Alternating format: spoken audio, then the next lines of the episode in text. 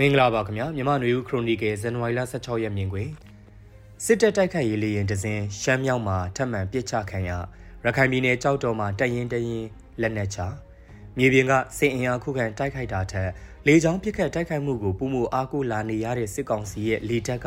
တိုက်ခိုက်ရေးဂျက်လေရင်တစည်းကိုလက်ရှိတိုက်ပွဲပြင်းထန်စွာဖြစ်ပွားနေတဲ့ရှမ်းပြည်နယ်မြောက်ပိုင်းနန်းဖက်ကကြီးရွာအနီးမှာပစ်ချနိုင်ခဲ့တယ်လို့ကချင်လွတ်မြောက်ရေးတပ်မတော် KIA ကဇန်နဝါရီလ16ရက်နေ့မှာအတည်ပြုပြောဆိုလိုက်ပါတယ်။ကိုခိုင်မြို့နယ်ထဲမှာတည်ရှိပြီးလာရှိုးမူဆယ်ပြည်တော်စုကားလမ်းမကြီးနဘေးက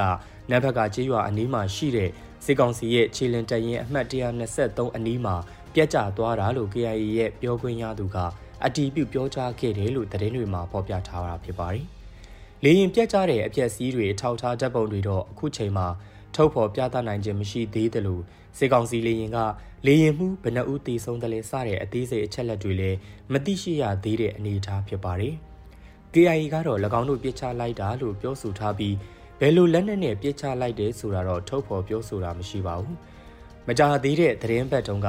KIA ဌာနချုပ်တည်ရှိရာလိုင်ဇာမြို့ကိုတွားတဲ့လမ်းကြောင်းပေါ်ကစစ်ကောင်စီစခန်းတစ်ခုကိုရိတ်ခါလာပို့တဲ့စစ်ရဲရင်ကို KIA ကပြစ်ချနိုင်ခဲ့ပြီးရဲဟရင်မောင်းနှင်သူလီတဲ့အရာရှိတွေအပါအဝင်လိုက်ပါလာတဲ့စစ်ကောင်စီတပ်ဖွဲ့ဝင်စုစုပေါင်း6ဦးထက်မနည်းရဲဟရင်ပြက်ကြတာနဲ့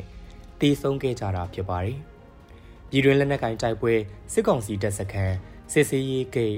တပ်ရင်းစခန်းဘီဝါစခန်းတွေကိုတိုင်းသားလက်နက်ကင်အဖွဲ့တွေနဲ့ PDF အဖွဲ့တွေကတိုက်ခိုက်ကြတဲ့အခါစစ်ကောင်စီအနေနဲ့မြေပြင်စစ်ကူသွားတာမျိုးပြန်လည်ဝိုင်းပတ်တိုက်ခိုက်တာမျိုးနဲ့ ခုခံတိုက်ခိုက်နိုင်တဲ့အင်အားမရှိဘဲလေကြောင်းကနေကိုကြီးပစ်ခတ်တာတွေလှုပ်ဆောင်နေတာနှစ်နှစ်ကျော်ရှိလာပြီးခုနောက်ပိုင်းမြေပြင်တပ်တွေအင်အားပိုနည်းလာသလိုမြေပြင်ဆက်သွယ်ထားတဲ့ကားလမ်းတွေလမ်းကြောင်းတွေကိုစိုးမိုးနိုင်မှုနည်းလာတာကြောင့်စစ်ကောင်စီဟာလေကြောင်းအားပြုခုခံတိုက်ခိုက်နေတဲ့တပ်ဖွဲ့တပ်ဖွဲ့ဖြစ်လာနေပါတယ်။တစ်ဖက်မှာတိုင်းရင်းသားလက်နက်ကိုင်အဖွဲ့နဲ့ PDF တွေအနေနဲ့လေရင်ရဟတ်ရင်တွေကိုထိမှန်အောင်ပစ်ချနိုင်တဲ့လက်နက်ဝယ်ယူရရှိဖို့အခက်အခဲကုန်ကြစည်ရဲ့အခက်အခဲတွေကြောင့်လေရင်တိုက်ခိုက်မှုတွေကိုခုခံကာကွယ်နိုင်တဲ့အနေအထားမရှိသလောက်ဖြစ်နေပြီးတော့ပြီးခဲ့တဲ့နှစ်နှစ်ကျော်အတွင်းစစ်ကောင်စီရဲ့တိုက်လေရင်သို့မဟုတ်ရဟရင်ကိုပြစ်ချနိုင်တဲ့အဖြစ်အပျက်က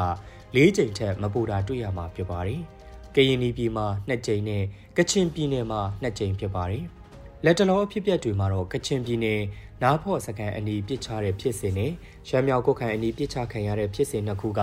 ရက်တရင်ဘက်အနှဲငယ်အတွင်းဇက်တိုက်ဆိုသလိုဖြစ်ပွားခဲ့တာကြောင့် KIA မှာလေကြောင်းကတိုက်ခိုက်မှုကိုတုံ့ပြန်ကာကွယ်ဖို့လေရင်ပြစ်လက်နက်လိုမျိုးရရှိနေပြီလားဆိုတဲ့မှန်းဆချက်မျိုးလဲထွက်ပေါ်လာစေတာဖြစ်ပါတယ်။တိုက်လေရင်နဲ့စစ်ရဟရင်တွေကိုအခုလိုခက်စိတ်စိတ်ပြစ်ချနိုင်လာခဲ့ရင်စစ်ကောင်စီအနေနဲ့လေတပ်ကိုအားကိုးပြီးစက်ခန်းတွေမျိုးတွေမကြအောင်ထိန်းနေရတဲ့ခန့်စစ်ကိုပိုပြီးအားပြော့စေနိုင်တဲ့အနေအထားမျိုးလို့မှန်းဆရပါတယ်။စစ်ကောင်စီအနေနဲ့ စစ်တိုက်လေရင်စစ်ရဲရင်အရေးအတွက်ရာခနန်းကျော်ယုံသားရှိပြီးအချို့သောနိုင်ငံတွေလိုအစင်းရီထောင်ချီရှိတဲ့လေတပ်မျိုးမဟုတ်ပဲလေကျင်ပြီးတိုက်လေရင်မှုအရေးအတွက်ကလည်းအကန့်အသတ်ရှိနေတာလည်းဖြစ်ပါတယ်။ဒိုင်းသားလက်နက်ကန်အဖွဲ့တွေဘက်ကလေကြောင်းရန်ကိုအတိုင်းအတာတစ်ခုထိကာကွယ်နိုင်တဲ့အနေအထားကစစ်ကောင်စီရဲ့အင်အားချိန်ခွင်ရှာမြို့တွေစခန်းတွေထိမ့်သိမ်းထားနိုင်မှုကိုပုံမှုထိခိုက်စေမှာလည်းဖြစ်ပါတယ်။ ဒီနေ့အဖို့အခြားသောသတင်းအကြောင်းအရာတစ်ခုကတော့ဘလဝဒေတာကိုအေအေလက်နက်ကန်အဖွဲ့ကသိမ်းယူနိုင်ခဲ့ပြီးတဲ့နောက်တောင်ဘက်ကိုဆင်းလာရမှာ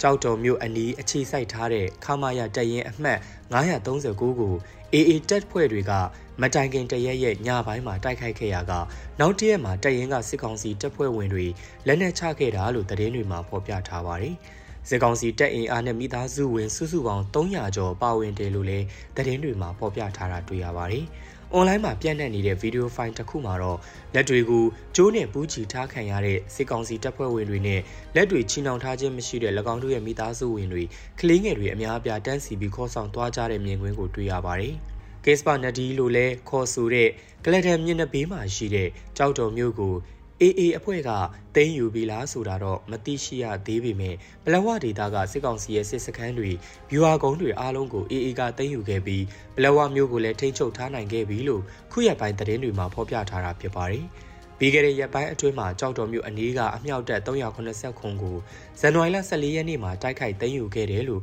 သတင်းတွေမှာဖော်ပြထားတာတွေ့ရပါတယ်။စစ်ကောင်စီနဲ့ AA တပ်ဖွဲ့အကြားလက်နက်ကင်တိုက်ပွဲတွေလွင်ပါလာဆန်းမှာပြန်လည်ဖြစ်ပွားလာပြီးတဲ့နောက် ရခိုင်ပြည်နယ်တစ်ခုလုံးကိုစစ်ကောင်စီကကုန်စည်တင်သွင်းမှုရောပို့ဆောင်မှုပါပိတ်ဆို့ထားပြီးအခြေခံစားတောက်ကိုတွာလာပို့ဆောင်ရေးအတွက်အဓိကလိုအပ်တဲ့လောင်စာဆီဈေးနှုန်းတွေမကြုံဘူးလောက်အောင်မြင့်တက်နေတာလည်းဖြစ်ပါတယ်။ဒီလိုအခြေအနေအောက်မှာရခိုင်ပြည်နယ်လူထုအနေနဲ့စစ်ဘေးရှောင်ရတဲ့အနေအထားနဲ့ကုန်စည်နှုန်းအဆမတန်ကြီးမြင့်နေတဲ့အနေအထားကိုတပြိုင်နက်တည်းကြုံတွေ့နေရတာလည်းဖြစ်ပါတယ်ခင်ဗျာ။